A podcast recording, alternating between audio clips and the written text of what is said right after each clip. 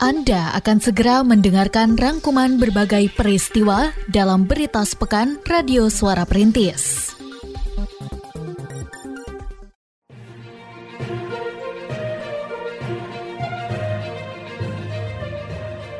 Berita sepekan Radio Suara Perintis FM Kota Sukabumi.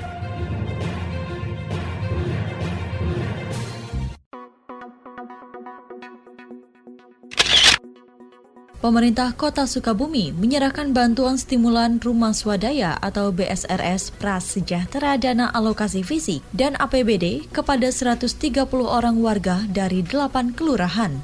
Bantuan tersebut secara simbolis diserahkan kepada 8 orang perwakilan warga oleh Wali Kota Ahmad Fahmi pada hari Senin 12 September 2022 di Gedung Juang. Kabit Perumahan dan Permukiman Dinas PUTR Kota Sukabumi, Teten Sugihan, dalam laporannya menyampaikan bahwa BSRS dengan nilai sebesar 35 juta rupiah per unit untuk merenovasi rumah tidak layak huni atau rutilahu, menggunakan anggaran yang salah satunya berasal dari pemerintah pusat sebesar 6,3 miliar rupiah. Bantuan ini diserahkan dalam dua tahap karena pada bulan Oktober mendatang akan kembali disalurkan BSRS bagi 170 orang warga yang berada di 10 kelurahan. Ia juga menyampaikan bahwa pada tahun 2022, selain BSRS, pemerintah kota Sukabumi menyalurkan berbagai bantuan untuk renovasi Rutilahu seperti memperbaiki 74 unit rumah yang terdampak bencana alam dan merenovasi 160 unit Rutilahu di empat kelurahan dengan anggaran pemerintah Provinsi Jawa Barat. Sementara wali kota menerangkan bahwa dengan sumber anggaran dari pemerintah pusat, provinsi, termasuk kota, ia menargetkan 537 Rutilahu dapat dapat direnovasi pada tahun 2022. Ia pun menegaskan kepada para penerima bantuan termasuk aparat wilayah bahwa program BSRS harus dijalankan sesuai dengan prosedur yang berlaku. Uh, tahun ini kami pemerintah Kota Sukabumi membangun 537 rumah tidak layak huni dari berbagai sumber anggarannya. Dan hari ini yang kita launchingkan ini ada 130 130 dari sumber bantuan stimulan rumah swadaya.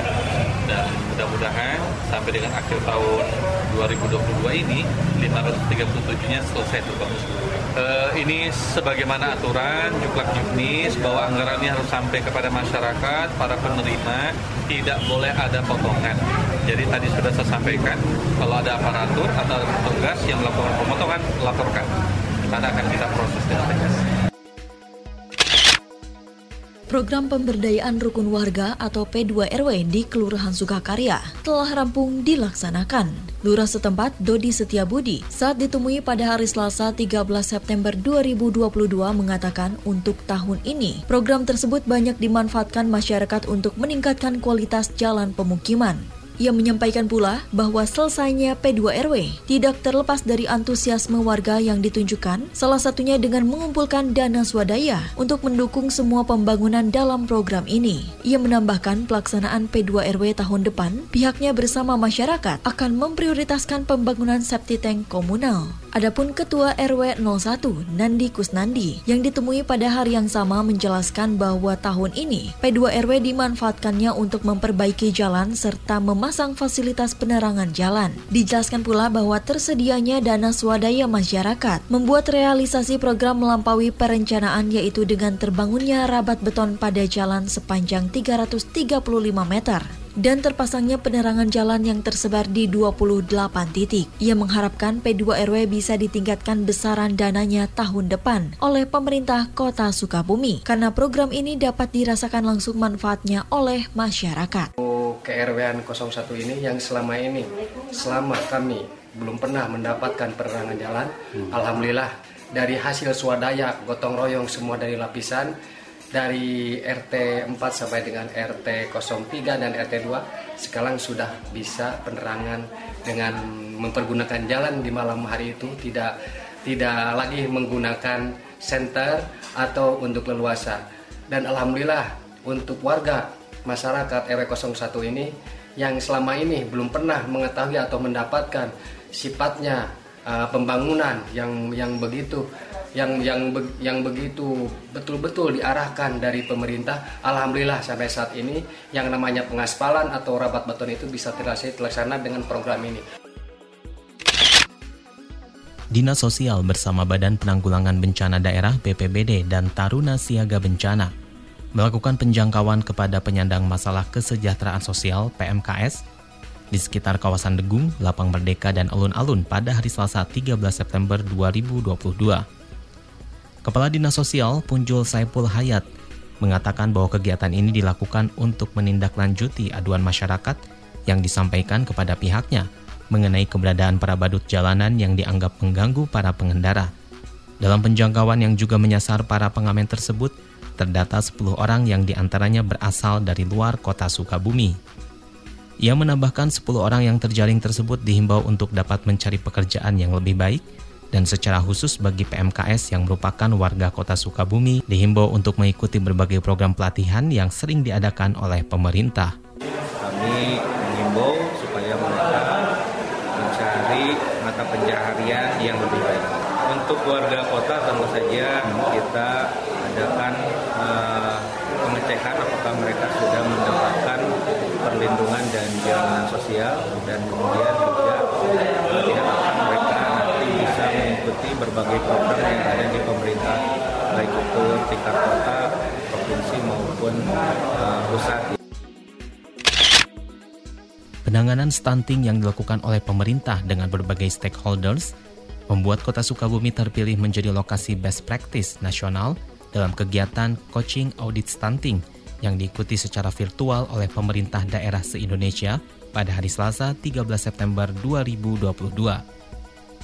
Pada kegiatan tersebut, pemerintah kota Sukabumi yang dijadikan sebagai narasumber menghadirkan di antaranya Wakil Wali Kota Andri Setiawan Hamami dan DIM 0607 beserta jajaran Dinas Pengendalian Penduduk, Keluarga Berencana, Pemberdayaan Perempuan dan Perlindungan Anak DP2 KBP 3A. Wakil Wali Kota dalam kesempatan tersebut menjelaskan bahwa Kota Sukabumi merupakan daerah tercepat di Jawa Barat dalam menyelesaikan audit stunting sehingga terpilih menjadi lokasi best practice bersama daerah lainnya di Aceh dan Yogyakarta.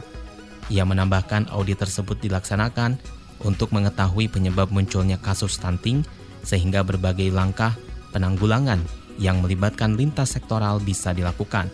Sementara Sekretaris DP2 KBP 3A Dr. Gigi Rina Hestiana Menjelaskan dari audit tersebut, pihaknya bersama pemangku kepentingan lainnya dapat melakukan intervensi spesifik seperti meningkatkan asupan gizi masyarakat, termasuk memperbaiki sarana prasarana tempat tinggal mereka. Sejauh ini dalam audit stunting, pemerintah kota Sukabumi telah mencapai langkah diseminasi dan penandatanganan berita acara yang menjadi acuan dalam penanggulangan kasus stunting. Tujuan dari kegiatan audit kasus stunting ini adalah untuk mengidentifikasi, mengetahui risiko-risiko penyebab terjadinya stunting yang diawali dengan mengetahui keluarga-keluarga yang memiliki risiko terhadap stunting, kemudian ditindaklanjuti dengan mengetahui, mencari apa penyebab terjadinya risiko stunting tersebut sehingga nanti ditindaklanjuti dengan intervensi. Dinas Kesehatan Kota Sukabumi diminta untuk menggencarkan promosi dan sosialisasi mengenai imunisasi untuk memenuhi target capaian peserta dalam bulan imunisasi anak nasional BIAN yang telah diawali sejak bulan Agustus lalu. Demikian diungkapkan oleh konsultan imunisasi UNICEF wilayah Jawa Barat, Dr. Rusifah, selesai talk show di Radio Suara Perintis pada hari Selasa 13 September 2022. Menurut penilaian UNICEF dengan capaian imunisasi di kota Sukabumi baru sekitar 67 persen, dan pelaksanaan BIAN yang akan berakhir pada 30 September mendatang, pihak Dinas Kesehatan harus melakukan upaya ekstra untuk mencapai target yang telah ditetapkan.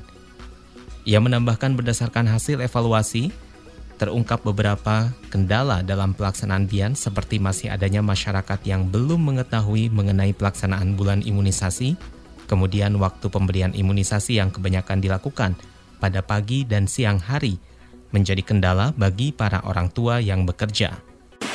Um, kita harus harus optimis ya karena masih ada waktu dan kita harus bisa mengidentifikasi penyebab dan kita harus atasi solusi itu. Solusinya apa?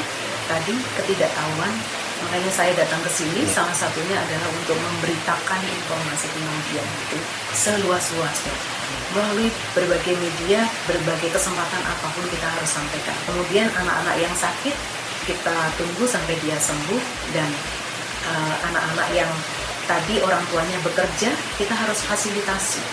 Pemberian imunisasinya jangan pagi siang hari dong. Hmm. Pemberian imunisasinya di sore hari. Itu koordinasi dengan RW setempat, lurah setempat untuk buka layanan di sore hari. Dinas Kepemudaan, Olahraga dan Pariwisata di Sporapar Kota Sukabumi menggelar peringatan Hari Olahraga Nasional Haornas ke-39 pada hari Kamis 15 September 2022 di Lapang Merdeka. Peringatan yang diawali dengan senam masal dihadiri di antaranya oleh Forum Komunikasi Pimpinan Daerah beserta jajaran KONI dan Igornas. Kepala Bidang Olahraga di Sporapar, Ganjar Ramdhani, dalam laporannya menyampaikan bahwa tujuan dari peringatan Haornas adalah menumbuh kembangkan persaudaraan di seluruh lapisan masyarakat, meningkatkan kesadaran semua pihak untuk aktif berolahraga, dan membangun generasi yang sehat, kuat, disiplin, serta sportif.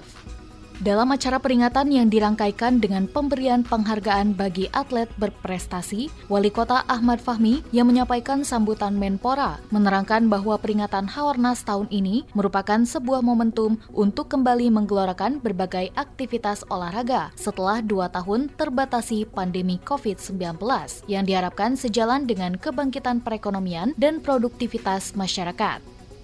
Ia juga menyampaikan bahwa peringatan Haornas diharapkan pula dapat meningkatkan motivasi para atlet kota Sukabumi yang akan berlaga di Pekan Olahraga Provinsi Porprov dan Pekan Paralimpik Provinsi Peparprov. 39 tingkat kota Sukabumi sekaligus ini memotivasi teman-teman yang akan mengikuti Perprov ya mendatang. Jadi mudah-mudahan ajang Haornas ini sekaligus mempersiapkan mereka mental, fisik, fisik, apa, fisik mereka sehingga betul-betul siap untuk merebut sebagaimana yang sudah ditargetkan. Ya, tadi Pak Menteri kan sudah sampaikan dalam sambutan beliau yang tadi saya bacakan, bagaimana hikmah setelah dua tahun ini kita ingin olahraga juga memberikan kontribusi bagi recovery ekonomi. Jadi mudah-mudahan pergerakan olahraga juga diikuti dengan pergerakan ekonomi warga masyarakat. Pemerintah Kota Sukabumi tengah melakukan penataan di berbagai wilayah seperti di Jalan R. Samsudin SH dengan renovasi trotoar dan jalan termasuk menata kawasan di sekitar stasiun kereta. Dalam upaya tersebut, pemerintah bekerja sama dengan berbagai pihak, salah satunya PT KAI. Pada bulan Agustus lalu, kedua belah pihak telah menandatangani nota kesepahaman atau Memorandum of Understanding mengenai koneksitas transportasi publik yang menjadi bagian dalam penataan kawasan. Wali Kota Ahmad Fahmi yang ditemui di Masjid Agung pada 16 September 2022 menerangkan bahwa menjelang akhir tahun berbagai penataan akan dilakukan terutama di lokasi yang belum tertata dengan baik. Ia menambahkan khusus untuk kawasan di sekitar stasiun Sukabumi, salah satu penataan yang akan dilakukan adalah mengembalikan fungsi jalan untuk kendaraan, sehingga arus lalu lintas di kawasan tersebut bisa berjalan dengan baik. Ya, jadi eh, seiring dengan penataan ruas jalan yang kita lakukan, maka kita juga akan mengembalikan suasana Sukabumi sebagaimana sebelum. Ya. Jadi eh, ada yang awalnya dulu sebagai ruas jalan untuk kendaraan umum. Nah, kita akan fungsikan lagi itu menjadi sarana bagi kendaraan umum untuk bisa lewat ke sana. Kemudian ada juga beberapa kawasan yang masih belum tertata dengan baik. Tadi juga dengan Pak Dandim kita ngobrol, ini juga akan kita benahi. Jadi kami akan terus melakukan pembenahan-pembenahan menjelang akhir tahun ini. Proses pembangunan berbagai sarana prasarana bagi masyarakat dalam program pemberdayaan rukun warga P2RW di Kelurahan Cikondang telah mencapai 90 persen. Hal tersebut disampaikan lurah setempat, Dori, saat melakukan peninjauan di beberapa RW bersama sekretaris dan kasih PPM Kelurahan serta Babinsa pada hari Jumat 16 September 2022. Ia menjelaskan bahwa berbagai jenis kegiatan seperti pembangunan fasilitas MCK, drainase, dan rabat beton jalan ditargetkan rampung pada akhir bulan September. Ia menambahkan, dukungan masyarakat sekitar terhadap kelancaran P2 RW ditunjukkan melalui pengumpulan dana swadaya yang jumlahnya melebihi besaran dana stimulan yang disalurkan oleh pemerintah Kota Sukabumi dalam program ini, yakni 25 juta rupiah untuk setiap RW.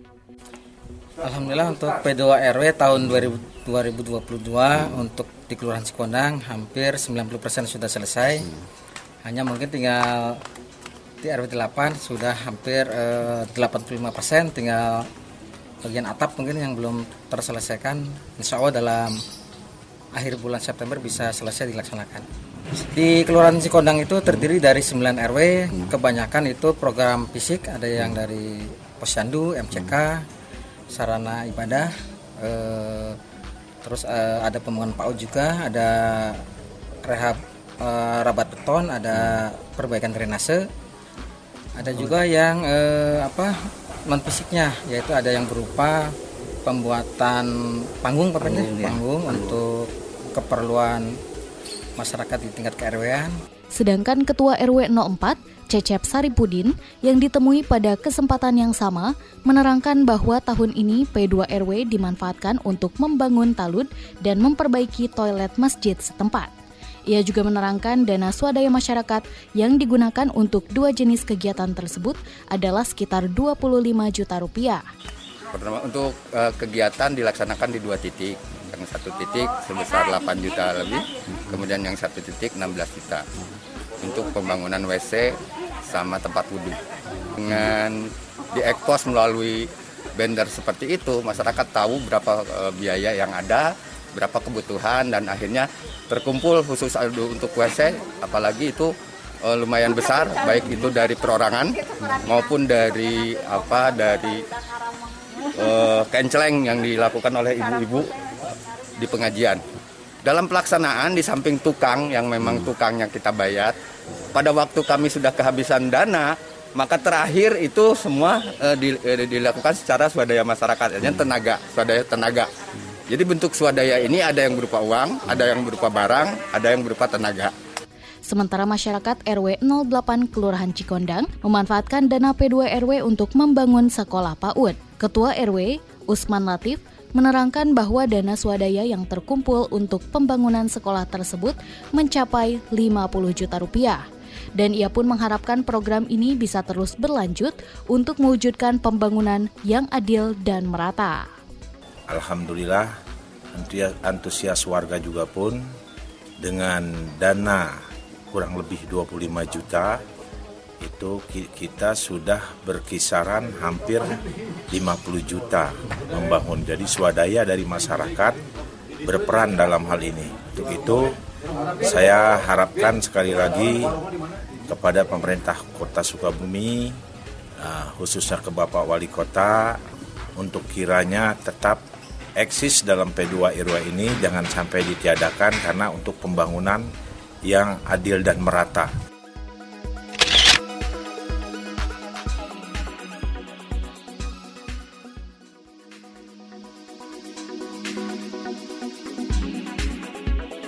Demikian berita sepekan Radio Suara Perintis edisi kali ini.